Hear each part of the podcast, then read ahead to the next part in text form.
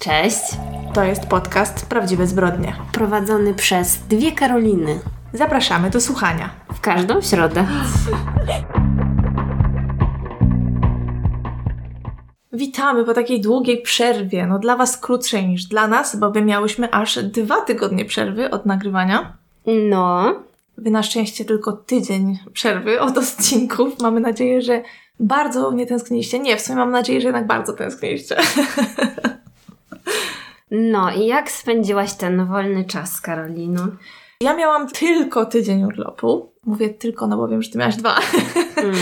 I w pierwszym tygodniu pojechaliśmy na sześć nocy do Barcelony. Już zresztą chyba w poprzednim odcinku mówiłam, gdzie jedziemy. No było super, fajne miasto do spędzania czasu.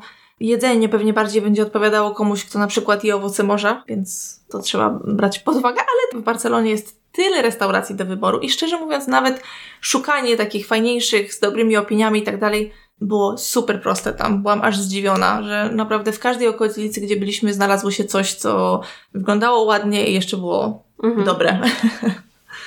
No. Więc to jest na pewno ogromny plus odwiedzania takich dużych miast. Chociaż miałam wrażenie, na przykład jak byliśmy w Kopenhadze, że było takich miejsc trochę mniej. Że one były jakoś tak skupione w jakichś konkretnych miejscach, jak szukałyśmy jakichś, nie wiem, dobrych miejsc na śniadania, czy tam obiady, czy cokolwiek, prawda? No ale to No. chyba dlatego, że Kopenhaga ogólnie jest mniejsza po prostu, nie? Tak, tak. Czuję się w ogóle jakaś taka trochę odzwyczajona od mówienia. Ale było super, mieliśmy świetną pogodę. Przed wyjazdem trochę panikowałam, ponieważ prognoza pogody pokazywała, że tam cztery dni ma padać, czy potem trzy dni ma padać, a koniec końców nie padało chyba ani razu. Chyba w pierwszy wieczór, jak tam poszliśmy na kolację, to spadły na mnie trzy krople i tyle było z tych zapowiedzi deszczu. Mm. Więc niepotrzebnie panikowałam, ale z drugiej strony wiem, że jakbym się na to nie przygotowała, to lałoby przez pięć dni. No. Czyli niepotrzebnie pakowałaś sztormiak. Tak, to znaczy właśnie nawet nie wzięłam tym razem kurtki przeciwdeszczowej, ale wzięłam jakiś tam trench, jak to się mówi, i parasolkę. No. Mm. Bo nie wiedziałam, jak tam też będzie wieczorami. Bo wiecie, 19 stopni może być zimno, a może być ciepło, zależy czy wieje, prawda? No więc Dokładnie. z racji tego, że ja mam tak mentalnie 90 lat, to chciałam być przygotowana na każdą ewentualność pogodową. Ale było super, tak jak mówiłam, bardzo mi się podobało. No, wiadomo, wszystkie te najważniejsze punkty zwiedziliśmy. Ja w przeszłości byłam w Barcelonie, ale to było dwa razy po dzień, jak podróżowałam gdzieś dalej, prawda? I Barcelona była tym przystankiem, powiedzmy, więc poza jakimiś tam spacerami dwoma, to za dużo jej nie widziałam. Natomiast taka rada dla osób, które są równie niesportowe jak ja, to pamiętajcie, że jak chcecie zwiedzić niektóre ładne miejsca w Barcelonie, to trzeba iść dosyć mocno pod górę. No, tak, pamiętam. I no ja jakby byłam na to przygotowana, bo sprawdzałam sobie wcześniej mniej więcej jak to miasto wygląda, ale jedna z tych dróg i tak mnie trochę zaskoczyła, bo nas Google poprowadziło tak lekko naokoło, ta nawigacja, no ale da się dojść, jakby ja doszłam, przeżyłam, nic mi nie było, ale tak tylko mówię. Mm, ale mówisz o tym, bo pamiętam, że ten park Właśnie to. No. On był taki, że naprawdę tam No. w pewnym momencie była. Ja nie wiem, jak tam auta jeżdżą. Tam mnóstwo starszych ludzi widziałam, że, że mieszkało. Jak oni chodzą? Tam była w zasadzie prawie pionowa ściana w pewnym momencie. Wiadomo, dramatyzuję teraz dosyć mocno, ale. Ale no. czekaj, bo coś mi się kojarzy. Czy tam nie było przypadkiem schodów takich ruchomych? Były z drugiej strony i zorientowaliśmy się, jak już A. się wdrapaliśmy tam. Bo ja pamiętam, że chyba ja korzystałam z tych schodów ruchomych. Były, ale wiesz, że one nie działały. Jak ja mówię A, do Mikołaja, świetnie. no Mikołaja, mojego chłopaka, mówię, przepraszam, narzeczonego, o Boże, e, że um, zobacz schody. A on mówi, a i tak nie działają. Mówię, uff, bo bym się wściekła. No. Także, no. Ale no co? Było warto. Było warto. Nawet odwiedziłam wnętrze kościoła pierwszy raz od dawna. Oczywiście poszliśmy do Sagrady, wiadomo. No i było fajnie. Nie stanęłaś w płomieniach. Nie, o dziwo. E, tak. E, No a po tym wyjeździe, zaraz tego samego dnia, którego wróciłam, musiałam się szybko przepakować i wyjechałam na weekend urodzinowy przyjaciółki Doroty. Pozdrawiam, bo kończyła 30 lat we wrześniu, także bardzo poważny wiek. Nie. Już jest po drugiej stronie. Witamy w klubie. Dokładnie, a wiesz co mówiłam przez cały weekend? Cały czas powtarzałam, ach w tym wieku, ach jak się skończy 30 lat. wiesz, komentarze a propos wszystkiego, skóry, włosów, nie wiem, no, Mm. dramat. Teraz już zobaczysz, jak wszystko zwisa. Dokładnie, nie no, oczywiście żarty. No a teraz ty opowiedz, jak się bawiłaś. No ja zwiedziłam Lazurowe Wybrzeże, także było no dość bajecznie, jeżeli chodzi o widoki.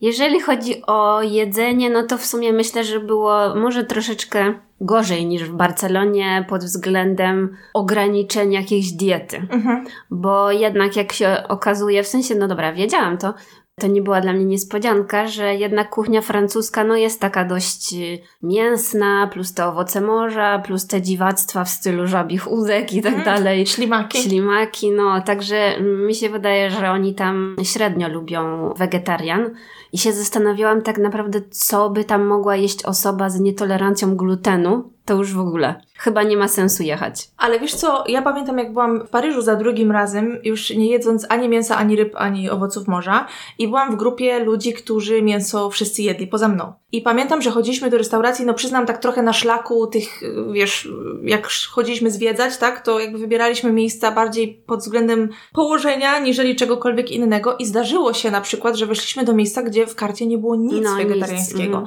Ale wystarczyło się zapytać i oni zawsze ci coś przygotowali. No jasne, ale chodzi mi o to, w sensie oczywiście ja też trafiłam zawsze na coś wegetariańskiego i to było w miarę dobre, także nie było tak, że byłam jakaś głodna, czy rozczarowana, czy coś takiego. To dziwne, że to jest spoza karty, nie? No, ale po prostu jest mały wybór, no. Także ciekawe, ale ja sądzę, że po prostu Francuzi są bardzo dobrzy, przynajmniej dla mnie, jeżeli chodzi o śniadania i desery. Więc to jest w sumie dla mnie najważniejsze. A obiad to tam nieważne. Hmm.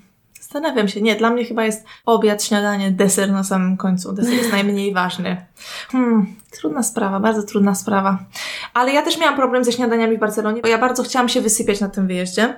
Mimo to, że pojechaliśmy do miejsca, które mieliśmy zwiedzać, to postanowiłam, że to i tak będzie taki wyjazd, żebym mogła się wyspać, żebym mogła sobie książkę poczytać, co się oczywiście nie wydarzyło. No. Ale wysypiać się faktycznie wysypiałam, więc stwierdziliśmy, że zamiast biegać i szukać śniadań, będziemy mieć śniadanie w hotelu. I z jednej strony to było super, bo po prostu wstawałaś, jadłaś, Mhm. wychodziłaś, a z drugiej strony opcje były ograniczone. Wiecie, my w Polsce jesteśmy przyzwyczajeni do tego, że nawet jak jedziemy do jakiegoś takiego średniego hotelu, to mamy ogórka, mamy sałatę, mamy jakieś normalne rzeczy. Tam był jeden pomidor No.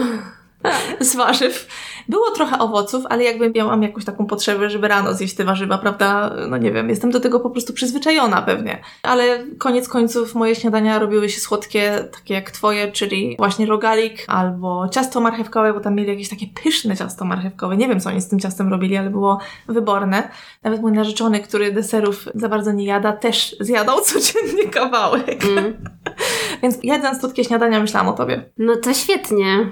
Bardzo bym się chciała z tym kojarzyć. No za to ja się zamieniłam w krosanta ewidentnie, bo no my też postanowiliśmy nie jeść śniadań na mieście, ale że byliśmy w mieszkaniu Airbnb, no to robiliśmy sobie sami śniadania, więc To też jest super opcja. Mhm. no, więc w sumie dla mnie to jest najlepsze, bo po naszym wyjeździe do Kopenhagi, jak chodziłyśmy na te śniadania, to stwierdziłam, że jednak lepiej, żebym ja bez kawy nie wychodziła z domu, bo to się źle kończy. Nie, Karolina nie była taka zła. Nie, naprawdę, bo jakby dla mnie jest bardzo cienka granica między tym, ile ja mogę wytrzymać i nagle w sekundę to się zmienia, że ja już po prostu mdleję, yy, boli mnie głowa, chcę się po prostu żygać i chcę wszystkich zabić. Po prostu jest bardzo cienka granica. Więc jeżeli na przykład się okazało, że my musiałyśmy chwilę poczekać, nie, na to śniadanie, to już był dramat. Tak, a w większości miejsc tam się chwilę No. czekało. Wiadomo, to był weekend, więc też nie ma co się czepiać. Ale wiesz, że od tamtej pory, przysięgam ci, prześladują mnie relacje ludzi na Instagramie, którzy jedzą śniadanie w Apotek 57, czy jak to się tam nazywają. no, no, Po no. prostu już nie mogę na to patrzeć. Chcę powiedzieć, żeby spadali i przestali mi to wrzucać na Instagram, bo mnie to denerwuje. No, nam się nie udało tam pójść niestety. No bo po prostu byłyśmy właśnie, tak jak Karolina mówi, bardzo głodne już, a kolejka była na co najmniej godzinę czekania, więc no, nie. Właśnie jednak chyba dla mnie najbezpieczniejsze jest y, zjeść jakieś lekkie śniadanie w domu, a potem ewentualnie dopchać się jakimś brunchem. No, ale to w sumie pewnie nikogo nie interesuje. Ale wiesz, że ja podczas tego wyjazdu do Barcelony wypiłam kawę dwa razy? Ojej. Chyba po prostu naprawdę byłam wyspana. I rano, jak się, wiesz, tam zamawiałam coś do picia, to myślałam, "A, herbatę poproszę. Hm, dziwne. Dziwna sprawa, no. Nie no, my za to ciągle piliśmy kawę, ale no to jest zabawne, jak się jedzie do innego kraju, który ma jakieś inne zwyczaje, bo tam naprawdę, w sensie po prostu ja jestem bardzo przyzwyczajona do swoich rzeczy, Mhm. jakichś tam ulubionych. I ja tak tęskniłam, bo mnie nie było w domu przez dwa tygodnie, tak tęskniłam za takim normalnym przelewem. Jak się przyzwyczaisz do picia kawy przelewowej, to po prostu masakra. No tam we Francji nie dość, że oni wszędzie w kartach piszą espresso przez X ハハハハ。To jak powiesz, że chcesz kawę American, mhm. to oni ci dają to espresso po prostu z jakąś kapką wody, mhm. co i tak jest espresso tak naprawdę, nie?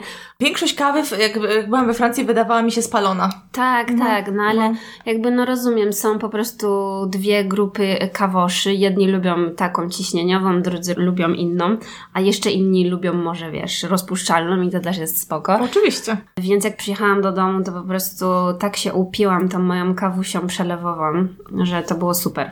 I co jeszcze chciałam powiedzieć, że po prostu ja wróciłam z tego wyjazdu tak wycieńczona, bo jak mój chłopak obliczył, zrobiliśmy na pieszo ponad 100 kilometrów. Jest to po prostu hardcore.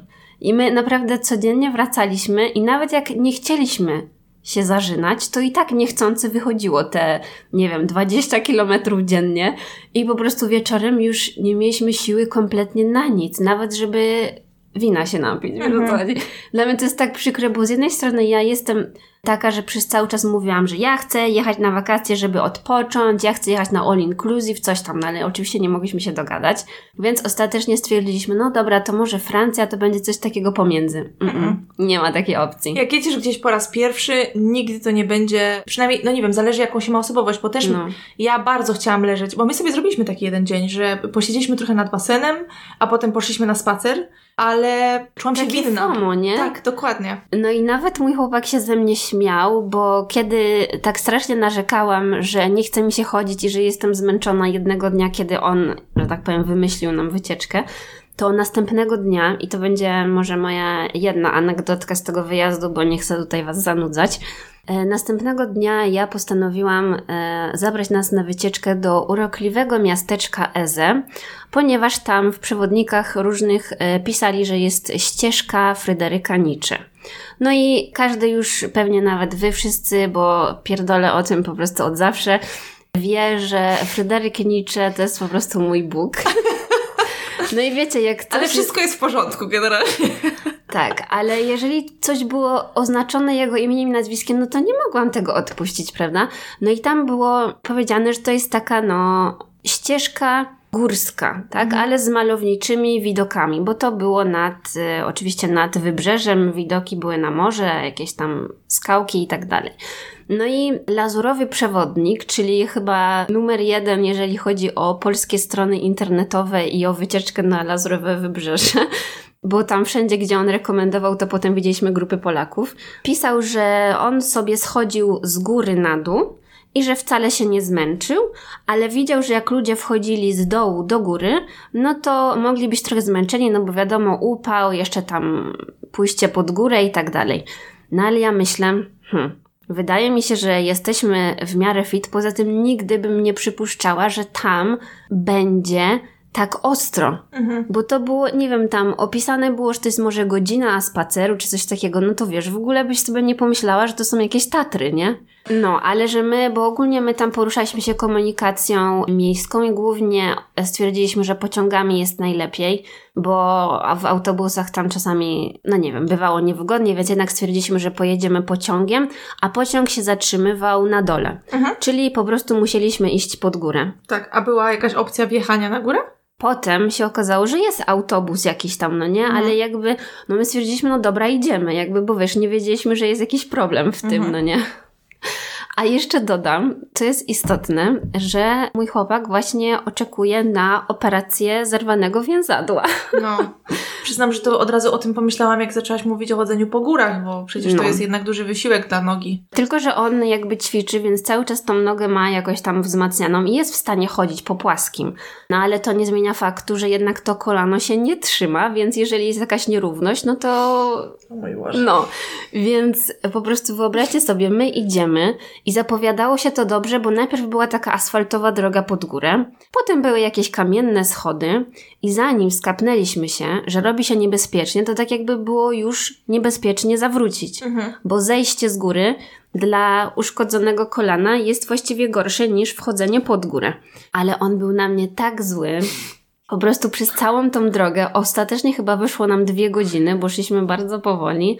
Praktycznie nie odzywał się do mnie, wiesz? I mówił, że to jest najgorszy dzień jego życia i w ogóle. A najgorsze było to, że ja, która nienawidzi chodzić po górach, mi się ta ścieżka tak podobała, dlatego że wszędzie był napis Fryderyk Nietzsche to był. I ja chciałam tylko robić zdjęcia, nie chciałam, żeby on mi robił zdjęcia. Chciałam podziwiać, chciałam myśleć, mm, on tutaj chodził i filozofował sobie, a, a mój chłopak idzie i Boże, coś ty wymyśliła, coś ty wymyśliła. To był twój fangirl moment, tak? Tam na tej ścieżce. Tak, i najgorsze było to, że co chwilę pytaliśmy ludzi, którzy schodzą, jak daleko jeszcze, a oni do nas, uff, powodzenia. Także no, jeżeli się tam wybieracie, to jednak polecam może, no nie wiem, na pewno zabrać jakieś górskie chyba obuwie, no bo jednak jeszcze on też na mnie był zły, bo nawet nie przygotował się z obuwiem, miał jakieś takie śliskie, wiesz, tenisówki i tak dalej, no po prostu byliśmy tak nieprzygotowani, ale ja cały czas się tłumaczyłam tym, że czytałam, no i zrozumiałam, że to nie jest ścieżka dla, nie wiem, tam osób z dziećmi, no bo wózka tam nie wtargają, ale myślałam, że dla przeciętnej osoby będzie to okej. Okay. Ale jak się okazało, nie. No w każdym razie doszliśmy, przeżyliśmy bez żadnego uszczerbku na zdrowiu i to było najważniejsze, ale myślę, że teraz będzie mi to wypominać do końca życia. Ja się też strasznie bałam, bo myślałam sobie, no faktycznie. A przecież go nie zniesiesz na plecach, nie? Co mhm. będzie, jeżeli coś się stanie? Dlatego moja ignorancja tutaj, no, bije się w pierś. Nie wiem, naprawdę nie wiem, jak to się stało. Chociaż wiesz co, ja byłam kilka razy w taki sposób oszukana i potem do mnie dotarło, że w sensie przez osoby, z którymi rozmawiałam na temat tego, czy ja w ogóle chcę iść na jakąkolwiek wycieczkę, jak ona będzie wyglądać. Nie, nie, to po prawie płaskim, w ogóle to -hmm, wiesz, mm -hmm. 30 minut i będziemy na szczycie. Ale potem się zorientowałam, że to nawet nie jest tak, że ta osoba ma złe intencje, czy na siłę próbuje mnie przekonać, tylko po prostu dla niej to nie jest no. może jakiś większy wysiłek, prawda? No wiem. Tak, a dla mnie, która pluje na chodzenie po górach, Chociaż oczywiście rozumiem, czemu tyle osób y, jakby się tym cieszy i tak dalej. No, ale najlepsze było to, że to tak naprawdę byliśmy w wielu miejscach, ale to było najbardziej turystyczne. Tak? Że tam naprawdę było tak dużo ludzi i na tej ścieżce, i już na górze w tym miasteczku. No to jest piękne miasto, naprawdę. Także no wiele osób jednak decydowało się na tą trasę i wiesz, w klapkach, sandałach i tak dalej. Wiesz, ale wystarczy przypomnieć, że ludzie potrafią w klapkach właśnie w Tatry pójść i w krótkich spodenkach w zimie, więc no nie wiem czy... No, nie, no wiem. Ale właśnie dlatego ja też fanką wspinaczek górskich nie jestem, bo to jest tak stresujące, że dojdziesz do pewnego momentu i tak naprawdę nie masz wyboru. Zawrócić źle, iść na górę też źle. Bardzo mnie to stresuje, dlatego ja nigdy nie będę zapalonym górskim, górską, jak coś mówi? Nie wiem, wiecie o co chodzi. Wędrowniczką. No. Nie będę uprawiać spinaczki górskiej, bo po prostu mnie to za bardzo stresuje, że jesteś nagle w połowie, a nawet nie wiesz, czy jesteś w połowie, bo my być może lepiej było wtedy zawrócić, bo potem szliśmy, szliśmy, szliśmy chyba trzy razy jeszcze tyle, nie? Mhm. No, także to taka nauczka, ale mogę Wam powiedzieć, że właśnie na relaks, chociaż relaksem tego nie można nazwać, w każdym razie jak już wracaliśmy do mieszkania, to obejrzeliśmy cały serial na Disneyu, który nazywa się Lekomania, Dope mhm. I dlatego nie jest to relaks, bo jest to tak stresujący serial, ale polecam go wszystkim, bo jest naprawdę fascynujący. Bo już ten serial ma, nie wiem, czy z dwa lata. W każdym razie w Polsce można go obejrzeć na Disney Plus. No i jest to serial oparty na faktach na temat właściwie wynalezienia i wprowadzenia do sprzedaży leku Oxycontin, czyli opioidu, który zapoczątkował tak zwany kryzys opioidowy w Stanach. Jest po prostu tak przerażający ten serial, bo faktycznie wszystko to, co tam się wydarzyło, jest mniej więcej prawdziwe, no nie? Mhm. I no nie wiem, oglądanie tego, jak te koncerny farmaceutyczne działają, to było straszne. No i poza tym jest bardzo dobrze zrobiony, super aktorzy tam grają, także wszystko tam było bardzo dobrze pokazane, zrealizowane, także polecam serdecznie. I w ogóle z serii amerykańskiej wydawnictwa czarnego też jest, jest książka, książka o tym. No. no. właśnie, bo tak mi się coś kojarzy. Mhm. I ją właśnie mam ściągniętą chyba na Kindle już od jakiegoś czasu, więc muszę ją teraz koniecznie przeczytać. Mhm, mhm. No mi przez urlop plus ten tydzień drugi udało się też kilka rzeczy obejrzeć, ale myślę, że już tyle dzisiaj gadamy, że jakoś będziemy sobie dawkować te przyjemności, zwłaszcza, że teraz po powrocie do pracy już nie będzie tyle czasu na oglądanie. Mm. Także no ja myślę, że możemy też porozmawiać o serialu, który w ostatnim tygodniu wszyscy, ich rodzice, dziadkowie i wujkowie też obejrzeli, czyli serial o Wrocławiu, mm. czyli Wielka Woda, oczywiście na Netflixie. Oglądasz? No właśnie oglądałam, ale śmieszne jest to, że nie obejrzałam ostatniego odcinka. Aha. Ale jakby no, wiadomo, domyślam się jak to się kończy, nie? tak. Więc tak. może nie mogę powiedzieć o moich wrażeniach po całości, no bo akurat jak zaczął się ostatni odcinek, to powiedziałam, bo oglądałam to z rodziną, więc powiedziałam, no sorry, wy sobie oglądajcie, ja idę spać, bo już mi się mhm. nie chce. Więc, więc to też w sumie może być lekką recenzją z mojej strony bo myślę, że jest to serial dość mocno przyciągnięty, w sensie nie trzymał jakoś bardzo w napięciu. Ja bym ucięła z niego jeden odcinek, ale muszę Ci powiedzieć, że moje odczucia były odwrotne. A. Ja na przykład czułam napięcie budujące się powoli. Tak? tak? mi się ten serial nawet podobał. Nawet udało mi się namówić mojego narzeczonego, żeby obejrzał ze mną. A, no ale wiadomo, to, to jest Wrocław, więc sumie... musiał, tak, prawda? I on też mówił, że no dobrze mu się oglądało. Naprawdę, przyznam, ja się zastanawiałam, jak oni zrobią serial prawie, że tutaj sensacyjny, prawda, z powodzi. Mm. Wiadomo, jest to ogromna klęska, była straszna tragedia dla tylu ludzi, Natomiast zastanawiałam się, jak to ugryzą i muszę powiedzieć, że mi się to podobało. No i też dużą zasługę ma główna bohaterka, czyli Agnieszka Żulewska, no bo jest to świetna aktorka. Mhm. Ona mi się w ogóle strasznie podoba. No i super zagrała, także no, nie mogę się do niczego przyczepić tutaj, jeśli o to chodzi. No i na pewno też dzięki niej po prostu ten serial mi się bardziej podobał. Ale właśnie też chciałam ją tutaj wyróżnić, bo no ona naprawdę świetnie wyszła w tym serialu. No. Też uważam, że jest bardzo dobrą aktorką i w ogóle bardzo dobrze się na nią patrzy, ma taką idealną twarz do kamery, no nie? Tak, Jakoś ma tak... taką mimikę ciekawą, że tak niby ona ma taką subtelną urodę, a tak wszystko widać na tej twarzy. Ona tak dobrze to potrafi jakoś zagrać. I jeszcze bardzo mi się podobał ten jej ex Marczak. Mhm. Też uważam, że super zagrał ten aktor, naprawdę. Tak, no ogólnie aktorsko bardzo dobrze ten serial wypadł. To znaczy, wiadomo, mi się też podobał, bardzo fajnie się to oglądało ale jakoś tak właśnie, no nie wiem, nie chciało mi się tego ostatniego odcinka obejrzeć. Myślałam, że jeszcze zdążę przed nagrywaniem, żeby mieć taką już pełną tą, ale nie zdążyłam mhm. i właśnie jakoś mi się nie piliło jakoś bardzo do tego. No bo tak jak mówisz, to nie jest coś, czego zakończenia nie znasz, więc wydaje mi się, że to też może o to chodzić. Ale ogólnie myślę, że, bo już oczywiście wiem, bo sobie doczytaliśmy, jak to wszystko mniej więcej powstało, także myślę, że to był naprawdę duży budżet w ogóle przeznaczony, żeby Jest to... Jest materiał też na Netflixie o tym, no? No, żeby ten cały serial nakręcić. Także bardzo fajnie, że oni się tak do tego, no nie wiem, przyłożyli, że jakieś takie baseny tworzyli, miasteczko Ale w ogóle zalane. niesamowicie realistycznie to wszystko, no. więc naprawdę tam musieli mocno... Scenografia dla mnie super. No dobra, mogę się przyczepić do Jelenia w pierwszym odcinku, bo tak, on mm. był taki komputerowy lekko, no. ale poza tym naprawdę wszystko wyglądało świetnie. No tak, ale też widziałam memy już krążące po internecie, że jakby cała Polska obrazek, że jest zachwycona wielką wodą, a wrocławianie w sensie, no wiesz, bo oglądając to, zwłaszcza, że my bardzo dobrze znamy Kozanów. Tak. Czekałam właśnie tylko i zresztą tam... Ja się trochę wzruszyłam, przyznam szczerze. No, a no. poza tym jeszcze jak oni poszli do mieszkania na ulicy Dzielnej, tak. ja mieszkałam klatkę obok. No, także już wiecie, jakie są nasze origins wrocławskie. Ja mieszkałam na ulicy Modrej. No, także jeżeli widzę, że oni są, zwłaszcza kiedy ta dziewczyna wyszła z psem, to tam po prostu oni zrobili podróż przez cały Wrocław, udając, że ona jest na Kozanowie. To, to było, było straszne. Mm, to tak. było tak ciężkie, bo nagle była faktycznie, wychodziła z tej bramy, potem znalazła się w centrum miasta, a potem znalazła się na południu. Tak, ona w ogóle miała iść na ulicę Stawową, która jest tak. w ogóle po tak. drugiej stronie miasta no. zupełnie.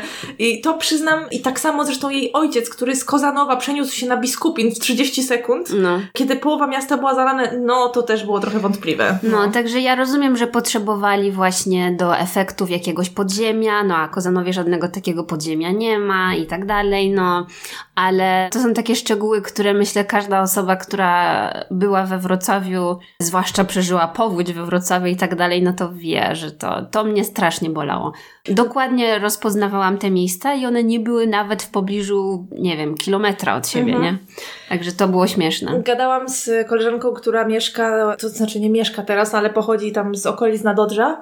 No to ona mówiła, że po prostu krzyczała cały czas, że Boże, że przecież to jest jej dzielnica, że nawet nie musieli jej charakteryzacji robić żadnej, bo ona nadal wygląda tak samo, nie? No to wiadomo. Akurat to całe na, na Dodrze, no, no to wiadomo. Jest stworzone, żeby tam kręcić filmy po prostu, które się dzieją w latach 80. i 90., tak mi się wydaje. No. No, także super dla Wrocławia, ale jakby Netflix potrzebował jakichś wskazówek, to Albo jesteśmy.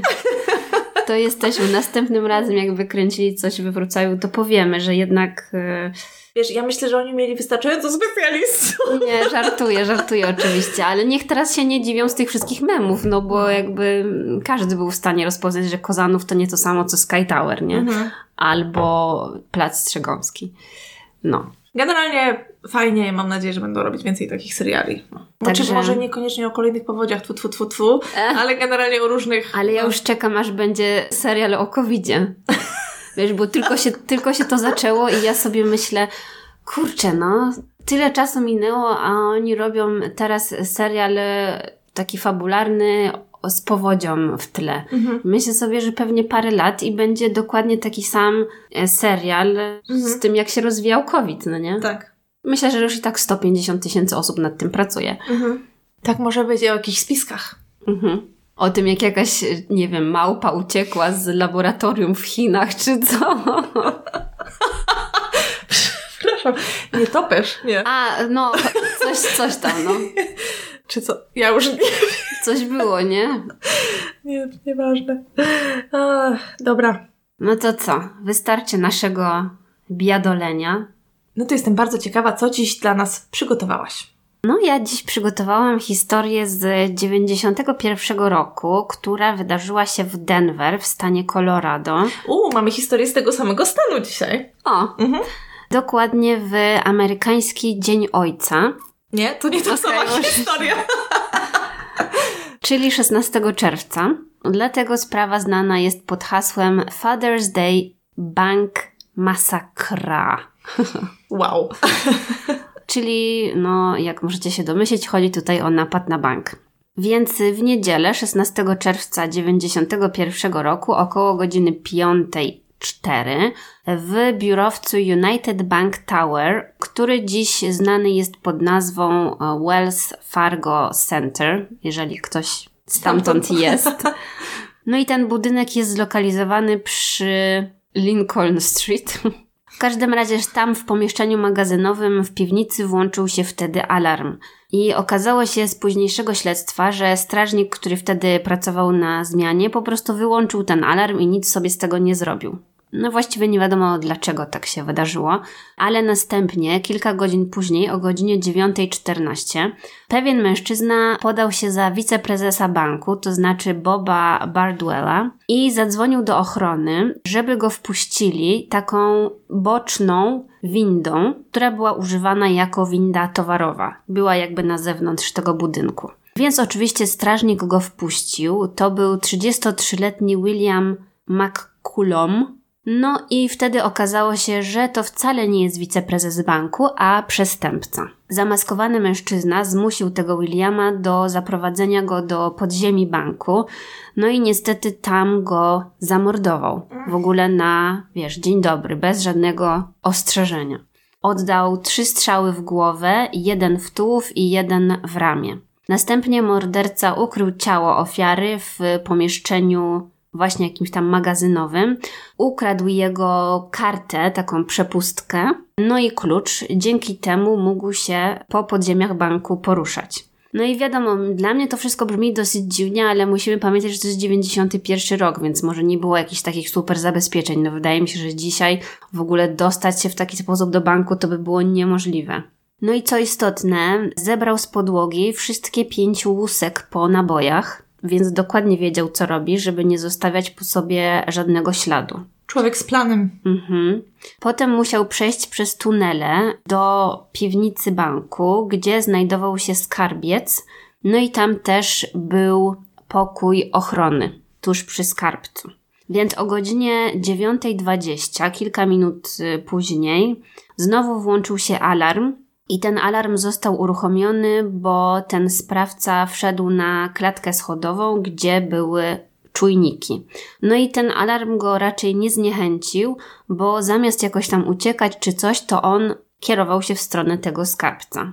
Niestety, żeby do tego skarbca się dostać, musiał przejść przez pomieszczenie ochrony. No i tam zastał dwóch strażników. To był 41-letni Philip e, Mankow i 21-letni Scott McCarthy.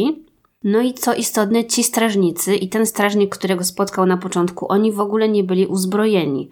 Więc tak naprawdę oni według mnie nie stanowili jakiegoś wielkiego zagrożenia, no bo sprawca był uzbrojony, no i tutaj taka ciekawostka, że United Bank Tower wcześniej pozwalało tym strażnikom, żeby nosili ze sobą broń, ale w niedawnym czasie wprowadzili nowe zasady, które mówiły, że strażnicy nie mogą być uzbrojeni. W banku to dziwne. Chociaż w sumie. No więc może wiem, być. No ja... Chyba broni nie noszą strażnicy w banku, prawda? No bo to.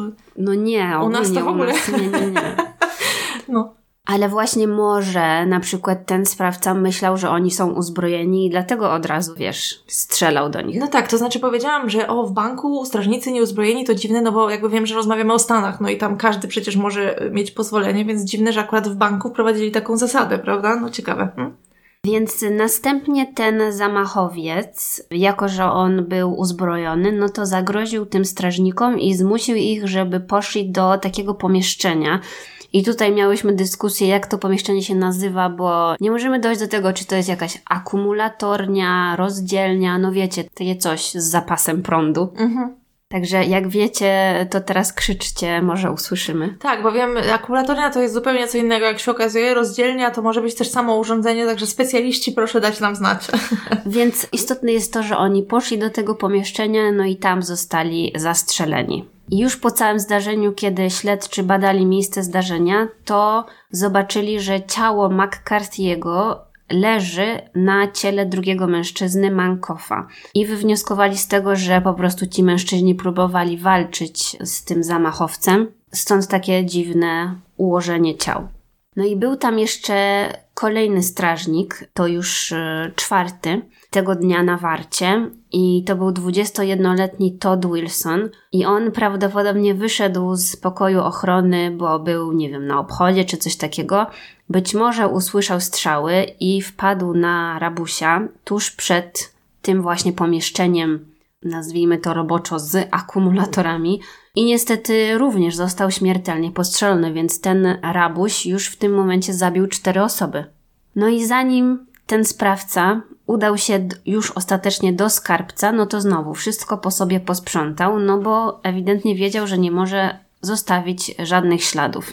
Więc zarekwirował 10 kaset wideo z monitoringu, dodatkowo jakieś klucze bankowe, radiotelefon, 91 mm, rok, i też wyrwał strony z dziennika strażników, w których tam pewnie coś na jego temat mogło być zapisane.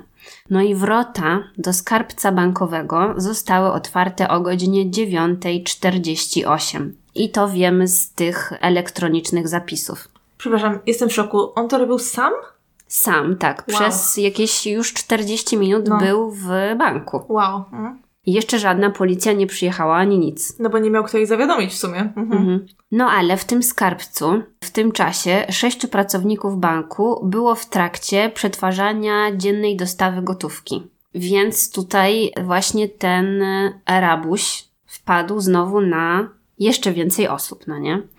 Więc co? On był uzbrojony, ci ludzie, wiadomo, nie. Więc on kazał im zakryć oczy, położyć się na podłodze, no i wziął jednego, powiedzmy, zakładnika. To był David Baranko, który swoją drogą był starszym kierownikiem skarbca. No i kazał mu napełnić torbę, którą miał przy sobie ten rabuś, żeby wrzucił tam do tej torby gotówkę, którą właśnie oni przetwarzali. Czyli to nie była gotówka, która była w skarbcu, tylko gotówka, którą oni mieli i ją, no jak mówiłam, przetwarzali. No i ostatecznie napełnił tą jego torbę prawie 200 tysiącami dolarów w gotówce. po tym już jak ta jego torba została napełniona pieniędzmi, to kazał tym pracownikom, żeby wczołgali się do takiego małego pomieszczenia w pobliżu skarbca, które jak rozumiem właśnie zostało stworzone w tym banku na wypadek może takiej sytuacji.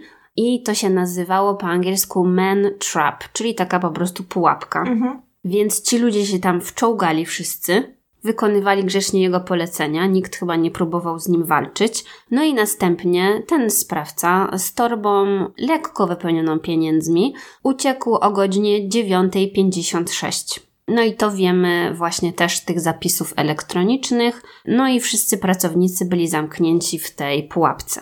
Tym pracownikom udało się uwolnić z tej pułapki, bo tam nie było oczywiście żadnego otwarcia od środka, no bo to była pułapka, ale podobno, to jest bardzo dziwne, ale we wszystkich źródłach o tym pisali, że oni znaleźli kawałek złamanej łyżki na podłodze i dzięki temu jakoś udało im się otworzyć drzwi. Nie wiem, jakiś MacGyver chyba tam Mhm. był, czy coś. No ale najważniejsze jest to, że tym sześciu osobom tak naprawdę nic się nie stało, poza tym, że byli wystraszeni. No i bardzo dziwne było to, jak potem śledczy się zastanawiali nad tym wszystkim, że ten rabuś zabrał niespełna 200 tysięcy dolarów i to nie wypełniło jego torby w pełni. Więc nie wiem, czy to była połowa tej jego torby, czy co, więc dziwne, że taka ilość mu w ogóle wystarczyła. Poza tym on cały czas kierował się do skarbca, ale ostatecznie pieniędzy ze skarbca nie zabrał. Mhm. No i dodatkowo dziwne było to, że po drodze cztery osoby zamordował, a nagle te sześć osób nie. Bardzo randomowe wszystko takie. No. Mhm. No i oczywiście znowu wychodząc y, z banku, rabuś miał czas na to, żeby znowu y, wszystkie rzeczy po sobie posprzątać. Także nie wiem, on tam sobie po prostu chillował przez godzinę. Więc gdy śledczy dotarli na miejsce zdarzenia, już oczywiście po całym fakcie, kiedy ci ludzie się wydostali z pułapki, dopiero wtedy mogli zawiadomić policję i tak dalej, to jedynym fizycznym dowodem, który pozostał po tym sprawcy, były pociski zużyte, czyli tak naprawdę te, które znajdowały się albo w ciałach, Mhm. albo gdzieś tam, wiesz, obok. I zbadali, że oddał 18 strzałów łącznie i one były oddane z pistoletu Colt Trooper i tylko jeden strzał okazał się chybiony. Także musiał na pewno też bardzo dobrze strzelać ten człowiek.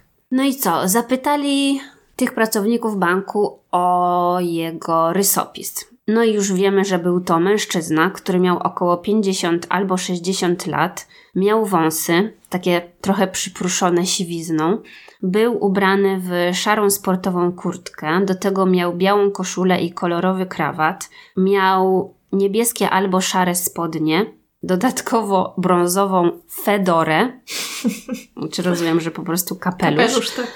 i miał lustrzane okulary przeciwsłoneczne. Cowboy. Mhm. I miał na lewym policzku plaster. Slash rapper. No. W całym tym śledztwie wzięło udział 40 agentów FBI i ponad 20 detektywów. No i było tutaj wiele znaków zapytania, bo przede wszystkim zastanawiali się, po co ta cała akcja, jeżeli on dokładnie ukradł 197 tysięcy 80 dolarów. Żeby zabić cztery osoby, No. to nie wiem, miał do dyspozycji pewnie tam jakieś miliony, które by mu się w tej torbie zmieściły. No i wiadomo, drugim znakiem zapytania było to, dlaczego czterech ochroniarzy zabił, a oszczędził tych pozostałych pracowników banku. Więc głównymi podejrzanymi w tej sprawie stały się osoby, które miały jakieś powiązania z bankiem, bo ewidentnie to musiała być osoba, która znała ten bank, bo jak widać nie miał problemu, żeby się po nim poruszać i tak dalej. Dodatkowo ten sprawca wystrzelił dokładnie 18 strzałów, jak mówiłam, i to wygląda tak, jakby przy sobie miał dokładnie 18 naboi. Mhm. I to jest kluczowe, bo pewnie nie wiecie, ale ja Wam powiem, że 18 naboi to jest standardowy ładunek, jaki mają przy sobie funkcjonariusze policji na służbie. A, nie wiedziałam. Wiadomo, nie wiem jak to jest teraz, ale przynajmniej wtedy w Denver tak było. Więc był to jeden w pełni załadowany rewolwer i dwa speed loadery. Mhm. Więc tutaj szukali kogoś powiązanego z bankiem i być może powiązanego z policją. No i w ten sposób wytypowali mężczyznę, który nazywał się James King, który był emerytowanym policjantem z Denver i przy okazji pracował jako strażnik właśnie w banku od 89 do 90 roku, kiedy przeszedł na emeryturę właśnie z policji. Mhm. Więc pasuje idealnie. Dodatkowo ten mężczyzna miał problemy finansowe, bo w 91 roku, czyli wtedy, kiedy to się wszystko wydarzyło, miał długi e, mniej więcej 25 tysięcy dolarów za karty kredytowe. No i razem z żoną złożyli wniosek o bankructwo. Hmm. I niech zgadnę, potrzebował dokładnie takiej kwoty. Nie, no mówię, on hmm. potrzebował właściwie 25 tysięcy no ale ukradł troszeczkę więcej. Ale też dziwną kwotę, więc na coś mu była potrzebna. Dokładnie ta. Mm. No nie wiem, nie wiem. Może po prostu na tyle mu starczyło czasu, nie wiem. A, okej. Okay. Myślałam, że... Może... Nie, nie ma tutaj jakiegoś mhm. sensu z tymi 200 tysiącami. Po prostu jest to mało, ale nigdy nie dowiedzieli się, dlaczego akurat tyle.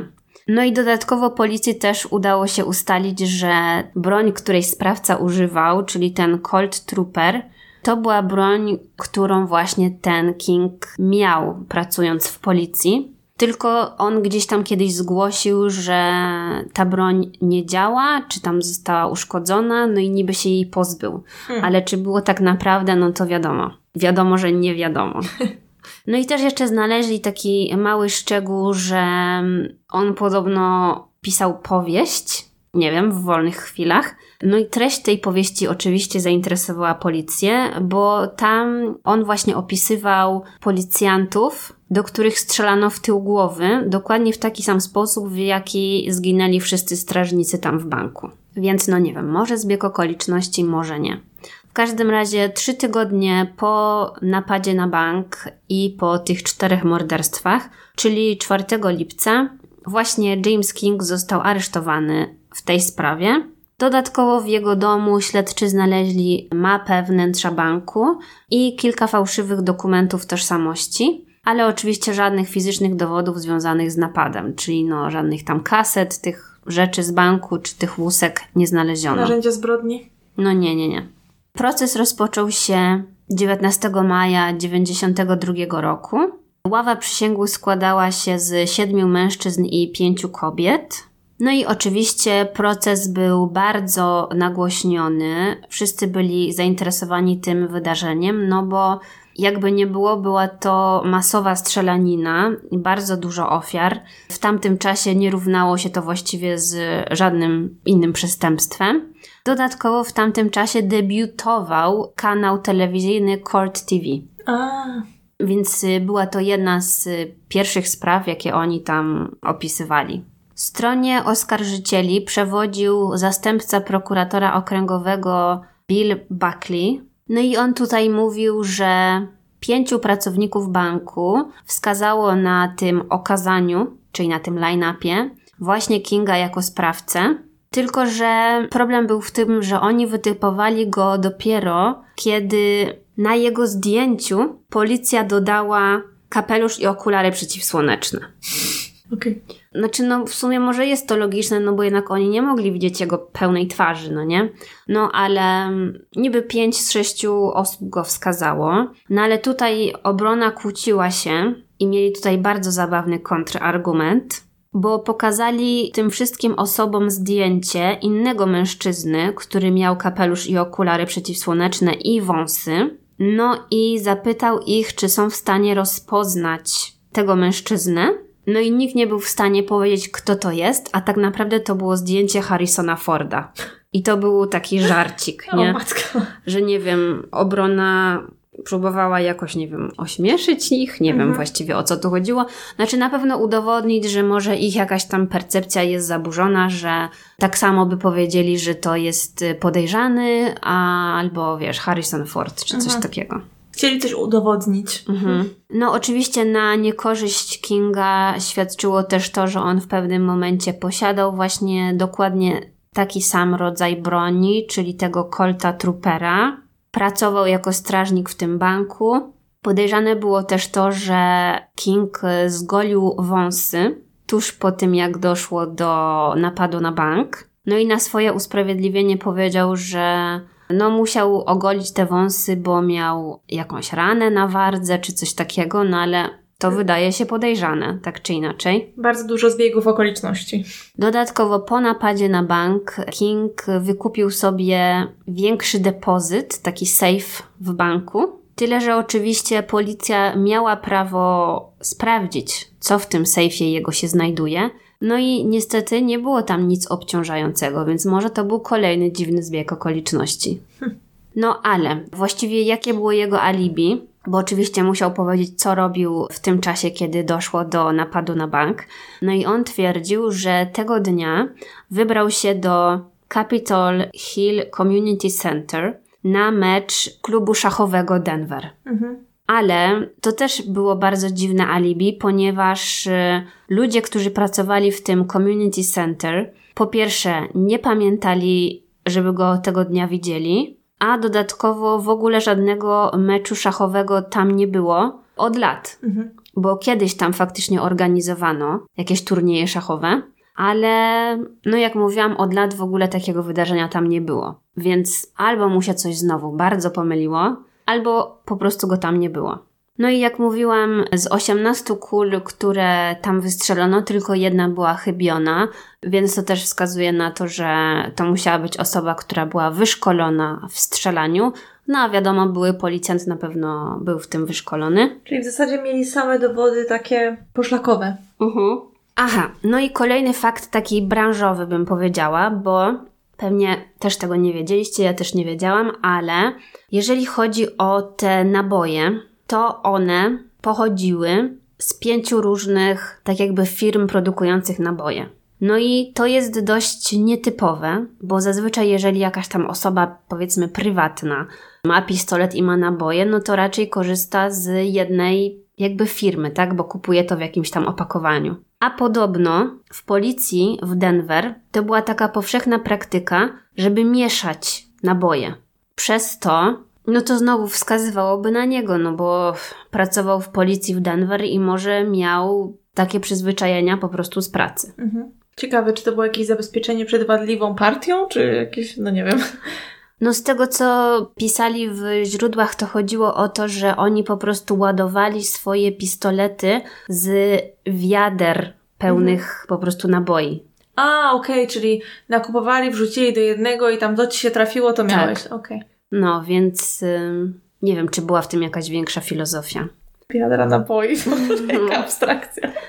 No ale jak mówisz, właśnie to były w większości dowody poszlakowe, dlatego obrona mogła tutaj zaproponować kontrargument właściwie do wszystkiego, bo oczywiście żadne fizyczne dowody znalezione na miejscu tej zbrodni no nie wskazywały bezpośrednio na Kinga. Narzędzie zbrodni nigdy nie zostało odnalezione, tak samo też nigdy nie odnaleziono tej skradzionej gotówki. Więc no ciężko tutaj mówić o udowodnieniu winy bez żadnych e, wątpliwości. Co ciekawe, jeszcze w trakcie procesu wypowiadał się były szef ochrony banku, czyli James Prado, który zeznał, że ta pułapka, ten man trap, została zbudowana dopiero po odejściu Kinga z pracy w banku. Więc y, oni twierdzili, że on nie mógł o tej pułapce wiedzieć. Może dlatego oszczędził tych ludzi, bo zobaczył tą pułapkę. No ciężko powiedzieć, ale właśnie oni mówili, że osoba, która napadła na bank, tak jakby wiedziała o tej pułapce. Mhm, taki przyjęli, rozumiem. E, mhm. Więc jeżeli wiedziała o tym, no to, to nie mógł być ten King, no bo jak on pracował w banku, to tej pułapki jeszcze nie było. No tak, ale może to miałoby sens, jak jeszcze mówisz, że on miał tyle czasu, zabił tych biednych strażników, tak? Bo na przykład myślał, że nie ma co z nimi zrobić, potem łaził, patrzył co gdzie jest, zorientował się, to potem miał jakąś opcję no. na tych. No, nie wiem, no może... oczywiście szyję tutaj na, na, bieżąco, ale tak się zastanawiam, czemu tamtych zabił, a kolejne osoby oszczędził, to nie ma sensu. Znaczy, mm. całe szczęście, ale. A może po prostu właśnie zobaczył, że coś takiego jest, no i wykorzystał sytuację, no też ciężko powiedzieć. No ale poza nim było też paru innych podejrzanych, bo był mężczyzna, który nazywał się Dewey Calvin Baker, który w ogóle przyznał się reporterom, że to on był odpowiedzialny za napad na bank w ogóle w pewnym momencie, ale jednak potem odwołał no, okay. swoje zeznania. No i tutaj widocznie nie znaleźli nic, co by go łączyło, więc nie pociągnęli w ogóle tego wątku. No i innym podejrzanym był też e, były strażnik z banku, który nazywał się Paul Jokum. I on już e, był oskarżony za kradzież 30 tysięcy dolarów z bankomatu, właśnie z tego United Bank. I to było w roku 90, ale w tej sprawie został uniewinniony. No ale w każdym razie pasował jakoś tam tematycznie też do tej sprawy. Dodatkowo on mieszkał bardzo blisko budynku tego banku.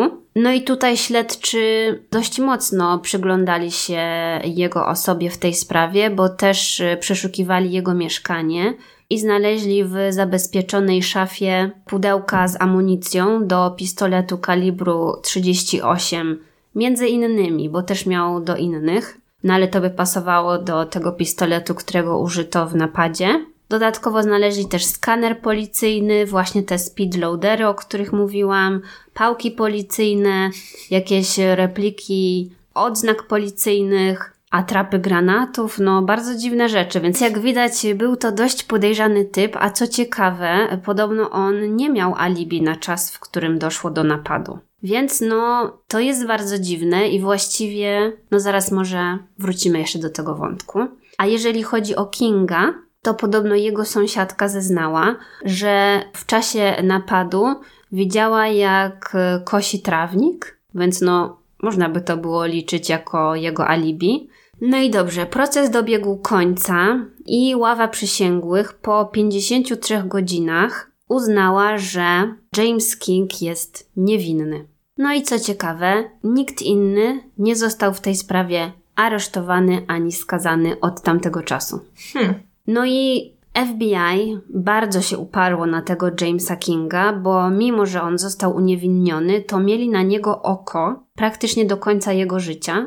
Cały czas liczyli na to, że popełni jakiś błąd i że będą w stanie oskarżyć go o coś innego, no bo wiadomo, że o to samo przestępstwo nie mogliby go oskarżyć. No ale ten człowiek żył sobie spokojnie, za bardzo się nie wychylał. Zresztą on już był w takim wieku, że jakby to powiedzieć, nie prowadził zbytnio rozrywkowego życia, po prostu sobie spokojnie żył. No i zmarł w wieku 77 lat w 2013 roku. Jak mówiła jego rodzina, powodem jego śmierci była po prostu demencja.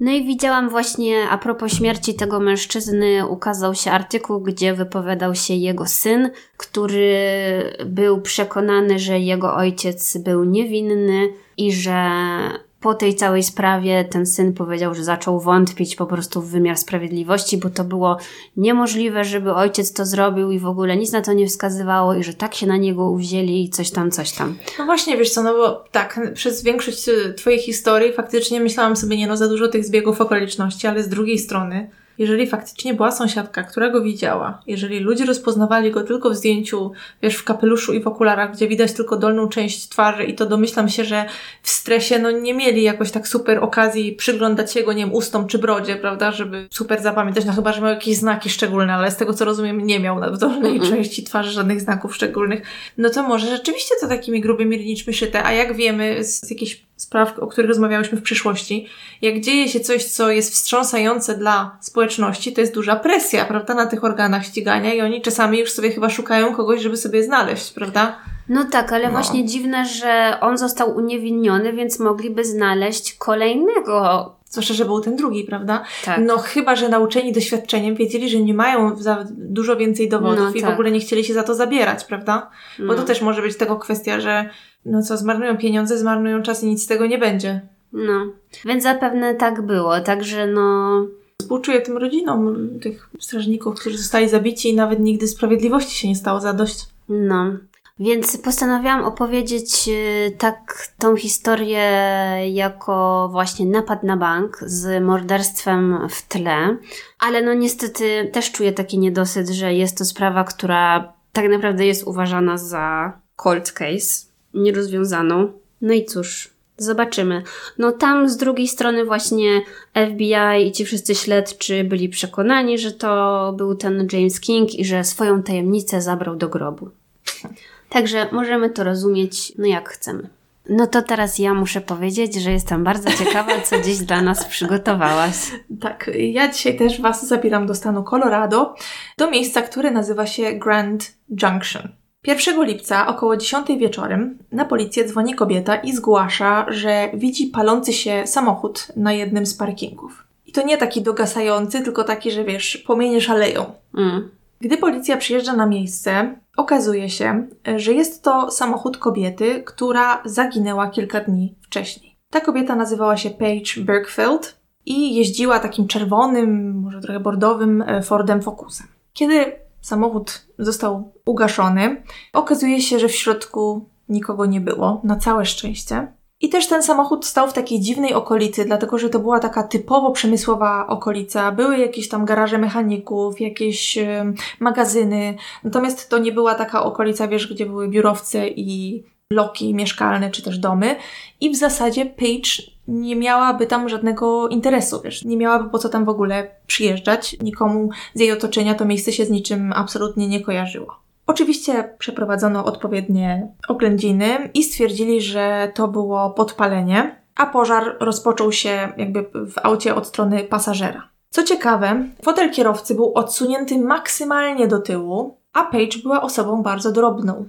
Nawet ponoć wzięli panią, która była takiego samego wzrostu jak Paige i pomierzyli ją, sprawdzali to ułożenie, no i Paige nie dosięgnęłaby w ogóle pedałów. Mhm. Dlatego uznali, że prawdopodobnie ostatnią osobą, która prowadziła ten samochód, był ktoś dużo, dużo od niej wyższy.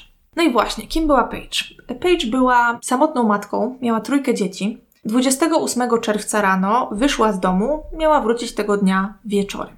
Z jej dziećmi została niania, która z nimi mieszkała. Nie odzywała się cały dzień, co było do Paige niepodobne. Ona swoje dzieci bardzo kochała, wszyscy dosłownie, nie tylko osoby z jej rodziny, ale też jacyś znajomi i przyjaciele mówili właśnie, że dzieci to było całe jej życie, że jakby jej marzeniem zawsze było być matką i była matką taką, no, bardzo dobrą. Są nagrania, jak jej córka dzwoni do niej, zostawia jej kilka wiadomości, pytając się, wiesz, mamo, kiedy wrócisz, gdzie jesteś? I ostatnia to już jest po prostu płacz tej dziewczynki, bo faktycznie przyszedł wieczór, a Paige nadal nie wracała i nie odezwała się ani razu przez cały dzień.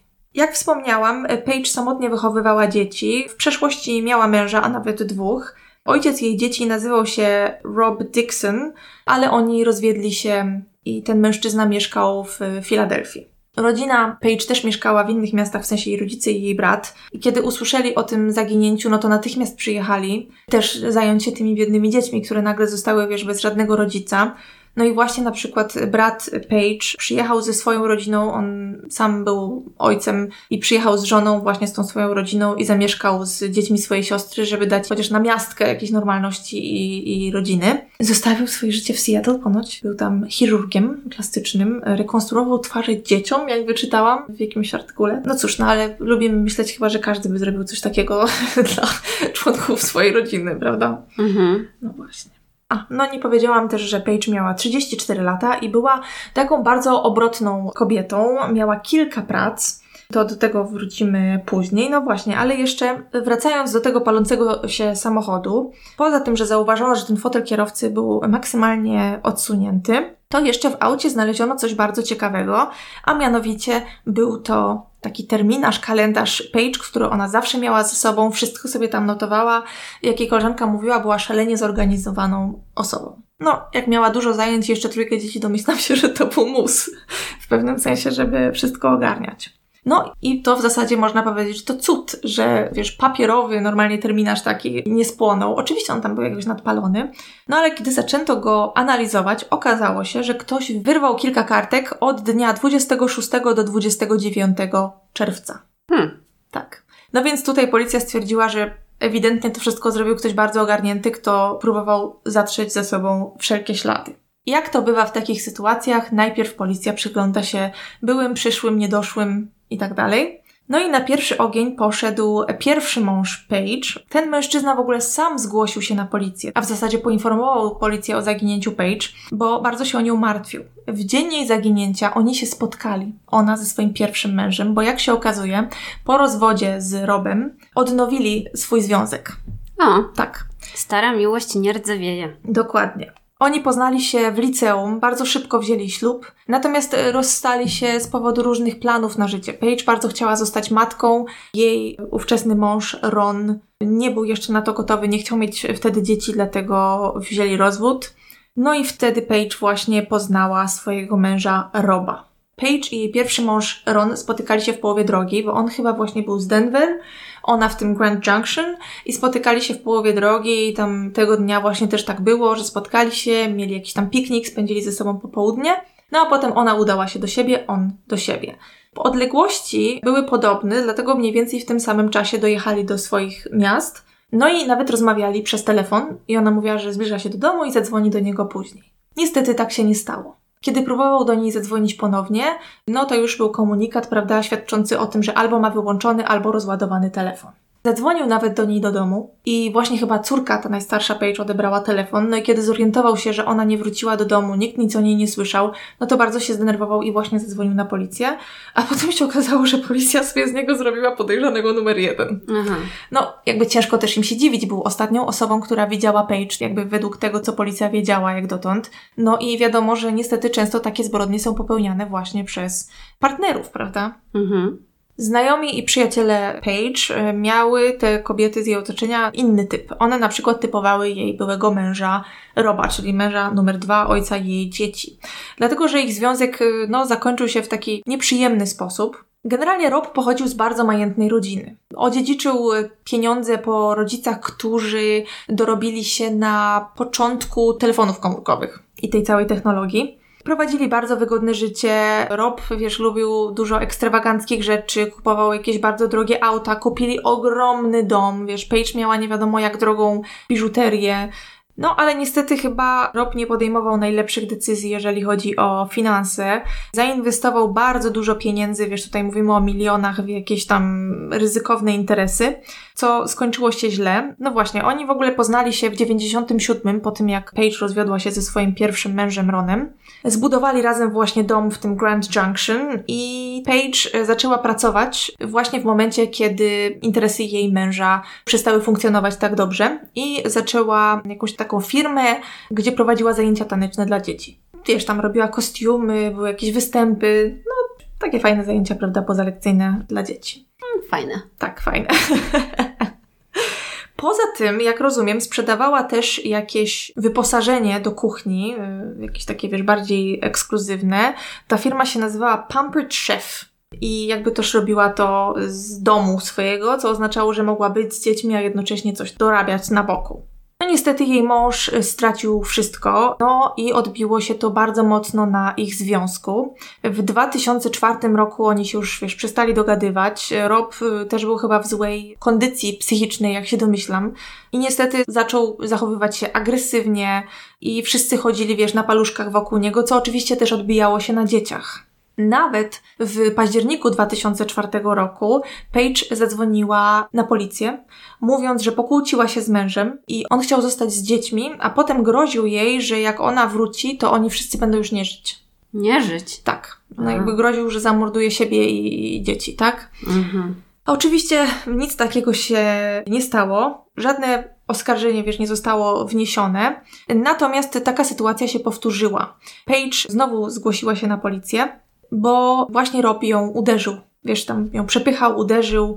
Jak wyczytałam, też ona chyba w ogóle wtedy miała to najmłodsze dziecko na rękach, czy coś takiego. No bardzo, bardzo, wiesz, przykre, jakby okropne sytuacje. Nikt nie zasługuje na takie traktowanie. Natomiast tutaj jakby najgorsze, co się wydarzyło dla Roba, to to, że musiał, wiesz, pójść na anger management. Czyli Aha, na takie zajęcia. Warsztaty. Tak, warsztaty radzenia sobie z, ze złością, z agresją.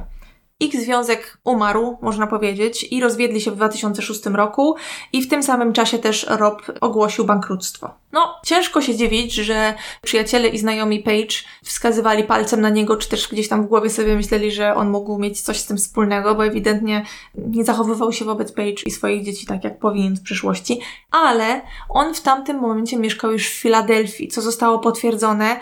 Miał alibi, policja też to potwierdziła, wiesz, na podstawie danych jego telefonu komórkowego i gdzie się w tamtym momencie znajdował. Mhm. A, chociaż jeszcze była jedna taka kwestia, ponieważ Page, i to też chyba w większości źródeł o tym mówili, że Page w internecie napisała, że moje dzieci pytają mnie, czy ich tata mnie zabije. Hmm? Nie mogę sobie wyobrazić, jakby to życie tam wyglądało, jakby faktycznie on mnie zabił, czy coś takiego. No to nie jest, wiesz, coś... W internecie coś takiego napisała? Tak, ona tak umieściła, wiesz, gdzieś tam na jakiejś swojej ścianie, czy na czymś. No to nic dziwnego, że tego faceta podejrzewali. No i w ten sposób i mąż numer jeden, i mąż numer dwa zostali wykluczeni. W poszukiwania Page zaangażowanych było mnóstwo osób, dlatego że też bardzo duży teren trzeba było pokryć, tak? Wiesz, tak jak sobie wyobrażamy Colorado, właśnie tak tam było, tak? Jakieś takie dużo, jakiś gór, taki trochę pustynny z jakimiś krzakami, krajobraz, więc jakby no teren był spory. W toku śledztwa policja dowiaduje się, że Page miała jeszcze jedną pracę. Generalnie ważnym tutaj jest to, że gdy rozstała się z mężem, dom przypadł jej. Natomiast, tak jak wspomniałam, był to dom ogromny, za który ona miała ratę 6 tysięcy dolarów miesięcznie.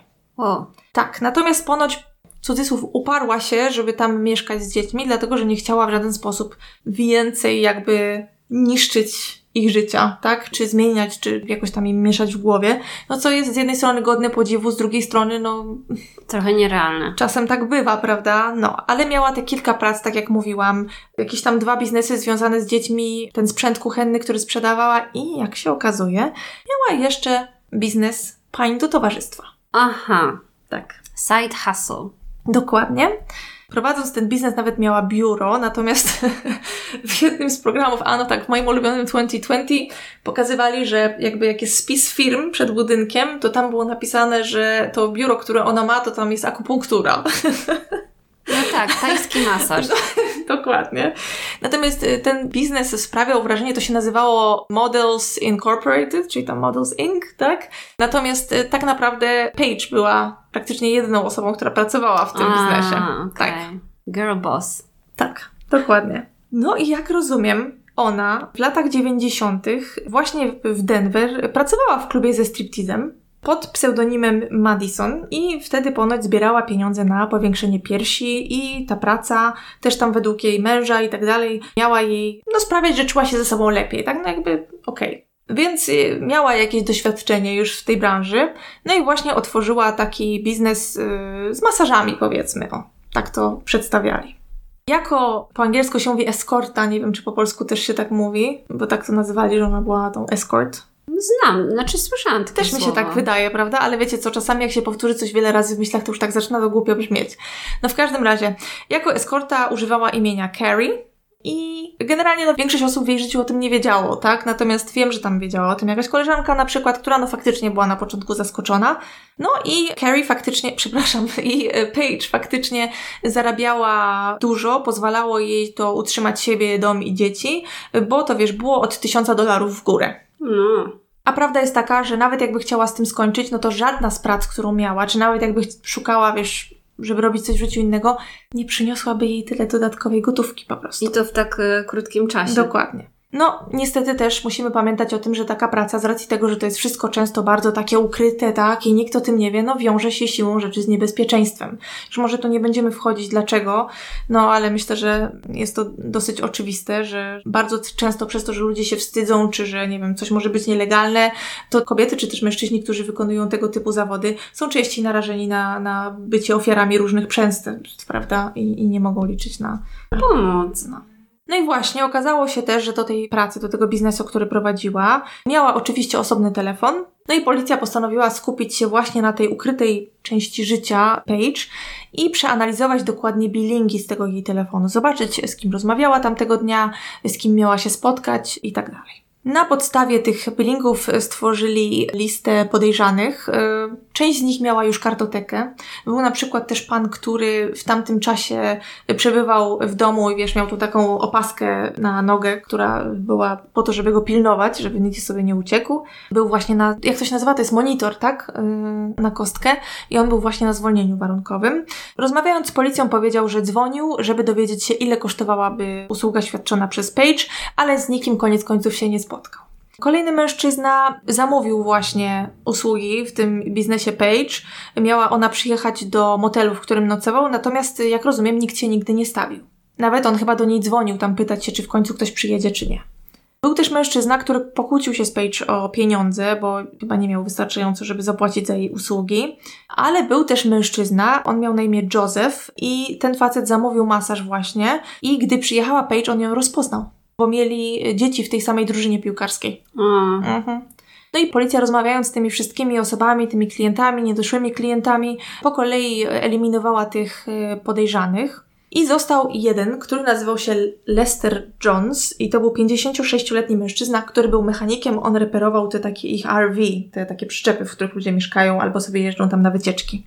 No i właśnie, koleżanka Paige, która miała na imię Carol, nawet raz pojechała spotkać się z tym Lesterem na prośbę Paige, Paige ona mówiła, żeby ona pojechała do niego i ta Karol powiedziała, że kiedy przyjechała, generalnie się zestresowała bardzo tym mężczyzną, bo on był wiesz, jakiś strasznie wielki i taki dziwny i od razu jej powiedział, że on od niej oczekuje seksu i ona powiedziała, że nie. No i wykonała tam jakiś ten masaż i generalnie poszła, ale że to wszystko było bardzo nieprzyjemne i jakieś takie, wiesz, nie, niefajne. I właśnie wyszło też w toku śledztwa, że ten mężczyzna kiedyś rozpoznał Paige jako żonę Roba Dixona, czyli tego jej bogatego drugiego męża, niegdyś bogatego. To już było, Boże, chyba z rok wcześniej, rok przed jej zaginięciem, o ile dobrze pamiętam. No i właśnie potem dzwonił po raz kolejny, żeby się z nią umówić, no i ona wtedy już wysłała tą koleżankę, tak? Jakby poprosiła ją o pomoc. Ta koleżanka Carol miała więcej do powiedzenia, dlatego że opowiedziała o zdarzeniu, do którego kiedyś doszło i Paige jej o tym opowiadała, wiesz, cała przestraszona że kiedy wyszła po ciemku z biura i szła do swojego auta, wsiadła do niego i chciała odjechać, to jakiś biały pick-up podjechał i jakby zagrodził jej drogę, nie chciał jej pozwolić wyjechać i ona wjechała w to auto, bo się tak przestraszyła. Po prostu z premedytacją wzięła i wjechała w to auto, żeby móc zawrócić i wyjechać stamtąd, uciec po prostu, by to była jakaś bardzo dziwna sytuacja. Mhm. Także proszę zapamiętać białe auto. Okay. No. Poza tym, że ten Lester Jones był dziwny, no bo umówmy się, na podstawie tego, że ktoś jest dziwny, czy możesz się przy nim czuć niekomfortowo, no to ciężko kogoś od razu zaaresztować, to jeszcze pracował rzut kamieniem, w zasadzie, nie wiem, pół ulicy od tego parkingu, na którym znaleziono płonące auto Page. Aha. Tak. 5 lipca mężczyzna zostaje zaproszony przez policję na rozmowę. No i właśnie on przyznaje, że skorzystał z usług agencji Page rok przed jej zaginięciem. Mówił, że y, nie uprawiali seksu, że to był taki masaż, że on był nagi, ona była naga. I że faktycznie rozpoznał, że Page to jest była żona Roba Dixona. Podczas przesłuchania policja zapytała Lestera, czy posiadał taki telefon, wiesz, taki, który, no u nas już takich telefonów nie można mieć, czyli taki bez rejestracji, prawda, że kupujesz taki telefon, że karta nie jest tam na twoje imię i nazwisko. I on powiedział, że nie, nie, absolutnie nigdy takiego telefonu nie miał w ogóle. No, a policja zadała to pytanie, dlatego że przeglądając jej billingi, zorientowali się, że właśnie ktoś kilka razy dzwonił do niej z takiego jednorazowego telefonu. I gdy sprawdzili ten telefon, to okazało się, że wykonano z niego cztery połączenia i raz chyba odebrano, czyli łącznie jakby, wiesz, do pięciu telefonów tylko i wyłącznie był wykorzystany. I on został aktywowany właśnie w tamtym czasie, kiedy zaginęła Paige. Mhm. On temu wszystkiemu zaprzeczył, no ale już troszeczkę tych różnych dowodów poszlakowych się zebrało przeciwko niemu i policja zdobyła nakaz przeszukania jego samochodu w domu, a także jego miejsca pracy. W domu nic nie znaleźli, chociaż zabrano właśnie samochody na przeszukanie. Ale za to e, na jego stanowisku pracy u tego mechanika, u którego pracował, znaleziono bardzo dziwne rzeczy. Znaleziono stanik, peruki, kanister na paliwo. Hmm. Hmm może przysłużył na przykład do podpalenia jakiegoś auta, nie wiem. A także fragment opakowania po jednorazowym telefonie. Aha, mamy no go. Właśnie, dokładnie. Jakimś cudem po numerach znalezionych na tym opakowaniu ustalili, że takie telefony sprzedają w Walmartie w Grand Junction i udali się tam w celu zabezpieczenia kaset monitoringu i zaczęto je przeglądać. Na szczęście się to opłaciło, dlatego że znajdują kogoś, kto przypomina Lestera na monitoringu kupującego właśnie taki telefon na kartę. No więc ponownie zapraszają mężczyznę na rozmowę i pokazują mu to nagranie, natomiast ten twardo mówi: Nie, to nie ja. Aha. To nie ja, ja tego telefonu nie miałem, nie potrafię wytłumaczyć, dlaczego ktoś na tym wideo jest tak podobny. Tyle, dziękuję. Nie potrafił też wyjaśnić, jakim cudem opakowanie po tym telefonie znalazło się u niego w pracy, tam gdzie on pracuje, razem z innymi jego rzeczami. On pewnie powiedział: To nie jest opakowanie po tym telefonie. Ale czy jest coś bardziej doprowadzającego do szału niż osoba, z którą się tak rozmawia, bo to już nawet nie chodzi mi tylko o przesłuchania na policji, ale po prostu są tacy ludzie, którzy, nie wiem, mówisz im, że coś jest zielone, wszyscy widzą, że to jest zielone, oni powiedzą, nie, to jest, nie wiem, różowe, nie? No. No w każdym razie, Jest mnóstwo dowodów poszlakowych, natomiast nadal brakuje ciała. No i sprawa pozostaje nierozwiązana. Lester nigdy nie zostaje oskarżony. Tak jak wspominałam wcześniej, mnóstwo osób poszukiwało Paige czy jakichkolwiek jej śladów i jedno z takich grup, jak rozumiem, część z tych osób to były po prostu osoby, które się zgłosiły, tak, wolontariusze, żeby pomóc i właśnie te poszukiwania się opłaciły, dlatego że wzdłuż drogi 50 e, znaleziono mnóstwo rzeczy rozrzuconych, które okazały się być rzeczami Paige.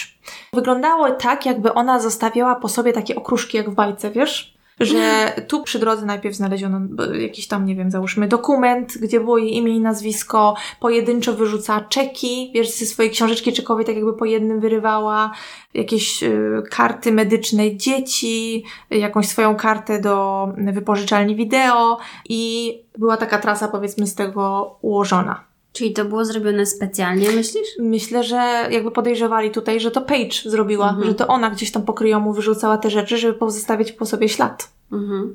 Tutaj w jednym z programów, może nawet dwa, bo już nie pamiętam, bo jest i program 48 Hours i 2020 na temat tej sprawy, więc już szczerze mówiąc nie pamiętam w którym, ale jeden z detektywów mówi coś takiego, że no, że tutaj też problemem był sposób jej życia. No nie wiem, co to za problem, jakby to przeszkadzało im oskarżyć go tylko na podstawie dowodów poszlakowych. Nie wiem, może chodziło o to, że tych podejrzanych mogło być jeszcze więcej, tak, wśród tych jej klientów. No nie wiem.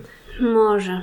Niestety, tak jak mówiłam, Lester nie zostaje o nic oskarżony, nie odnajdują ciała, no i sprawa pozostaje nierozwiązana, aż w marcu 2012 roku jakaś osoba, która udała się na wędrówkę właśnie niedaleko tej drogi, przy której znaleziono osobiste rzeczy Page, odnajduje ludzkie szczątki.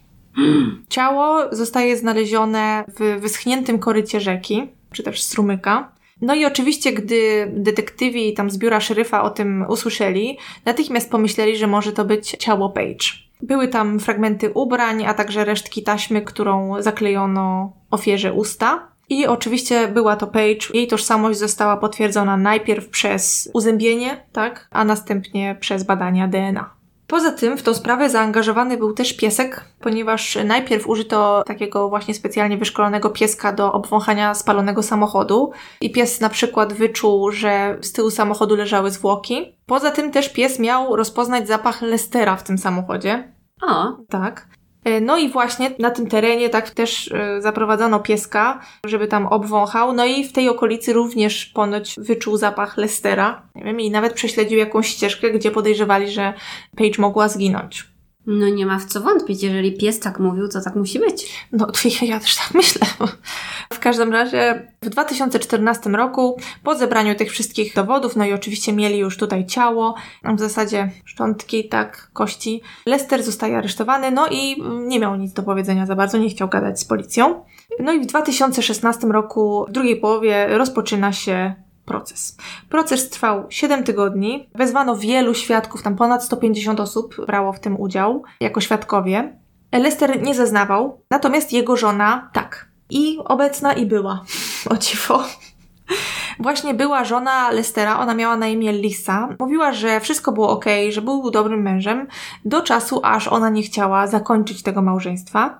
Wtedy zmienił się, zrobił się agresywny, a kiedy ona zaczęła spotykać się z młodszym mężczyzną, który miał na imię Joe, to Lester zaczął ich śledzić a nawet doszło do sytuacji, w której oni musieli przed nim uciekać samochodem. On w nich wjechał, zepchnął swoim samochodem ich samochód do jakiegoś tam rowu, wiesz, z takim impetem, że poduszki im się odpaliły w samochodzie i wtedy partner Lisy zauważył, że on ma broń. Mhm. Więc zaczęli uciekać i wyobraź sobie, że miał otarcie od kuli ten partner Lisy Joe. Oczywiście ona wniosła potem o zakaz zbliżania się i tak dalej, natomiast miesiąc bodajże później po tym wydarzeniu jemu udało się ją porwać, jakby zmusił ją, żeby weszła do jego samochodu i gdzieś tam ją wywiózł, mówiąc, że ją zabije i zostawi ją na dnie jeziora, gdzie nikt jej nie znajdzie.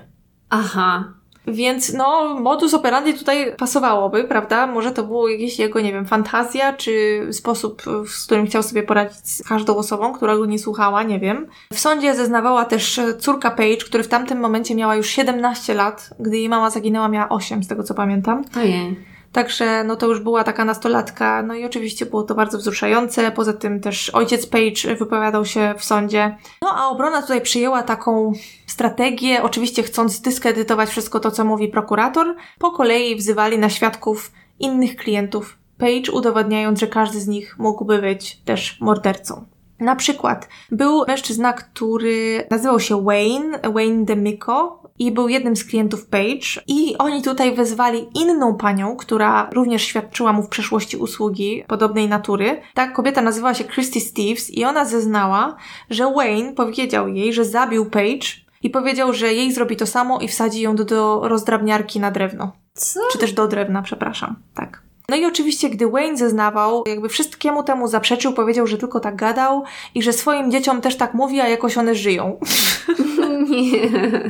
jakby nie wiem, kto próbuje dyscyplinować dzieci, mówiąc, że wsadzi ich do rozdrabniarki drewna. No, jakby... Chyba się Fargo no, oglądał. no chyba, dużo. tak, zdecydowanie. Był też mężczyzna, który się nazywał Steven Hild i on na przykład z kolei, jak się zorientowała policja na początku śledztwa, gdy przyglądali się wszystkim klientom Page, że on okradł swojego pracodawcy z tysiąców dolarów, żeby opłacać Page.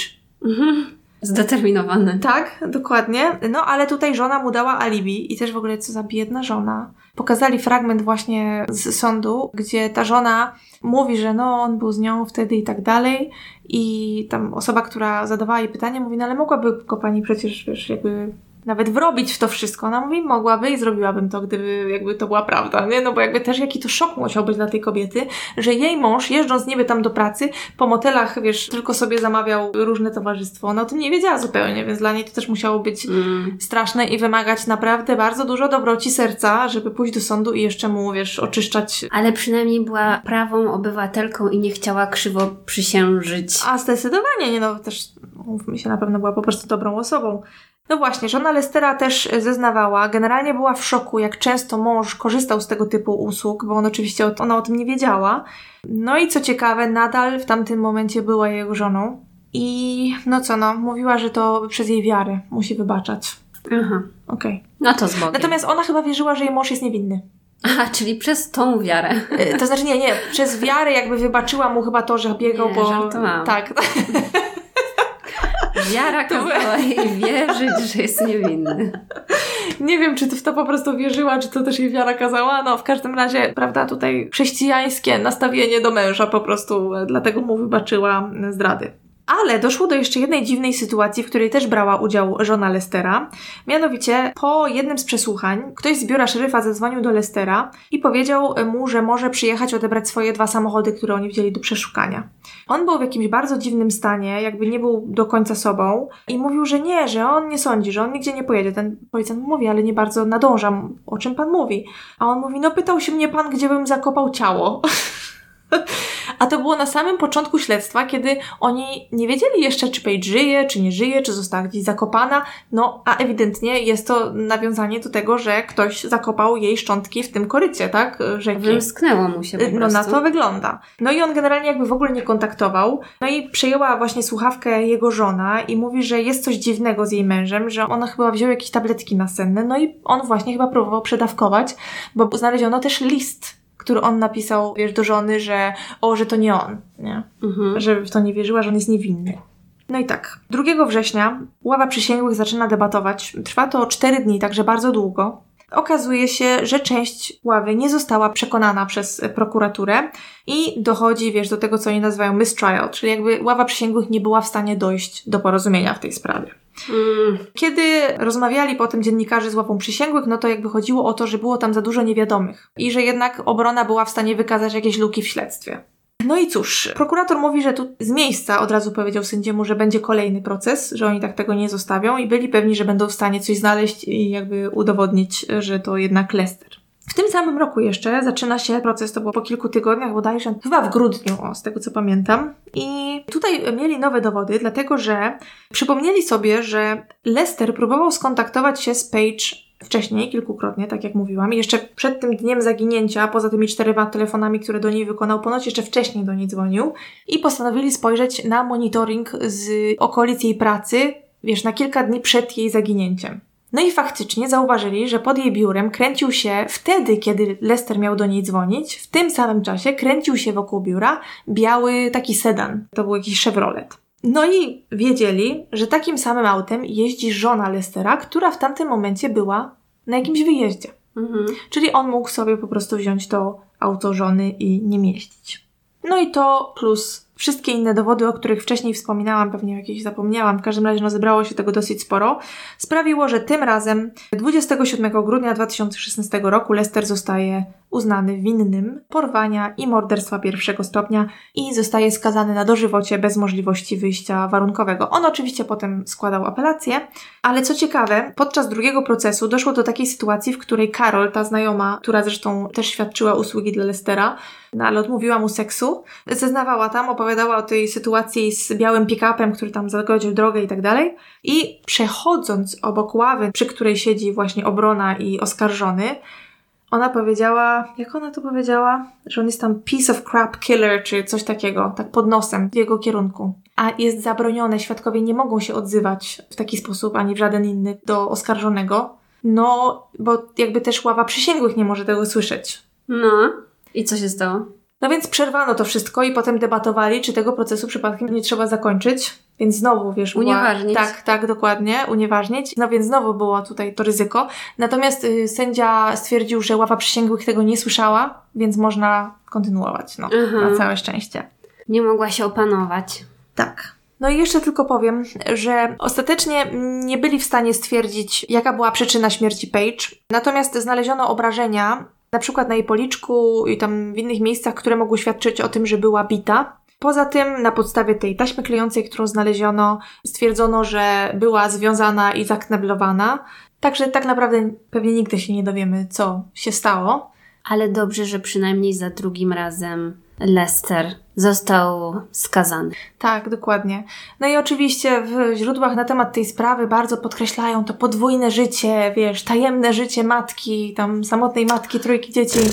Znaczy ja wiem, że to jest sensacyjne, że to jest takie klikalne i tak dalej, no mierziło mnie to trochę. Z drugiej strony, no na pewno nadawało to jakąś kolejną inną warstwę, tak, całemu śledztwu i, i w ogóle. Od tamtej pory żona Lestera umarła i do końca życia jakby była jego żoną. Ojciec Page, który był bardzo zaangażowany w poszukiwanie jej, a potem, wiesz, w to, żeby znaleźć i ukarać sprawcę, również umarł kilka lat po zakończeniu tej sprawy. No na pewno też odcisnęło to na nim jakieś ogromne piętno, tak, bo to już nie był dwudziestolatek.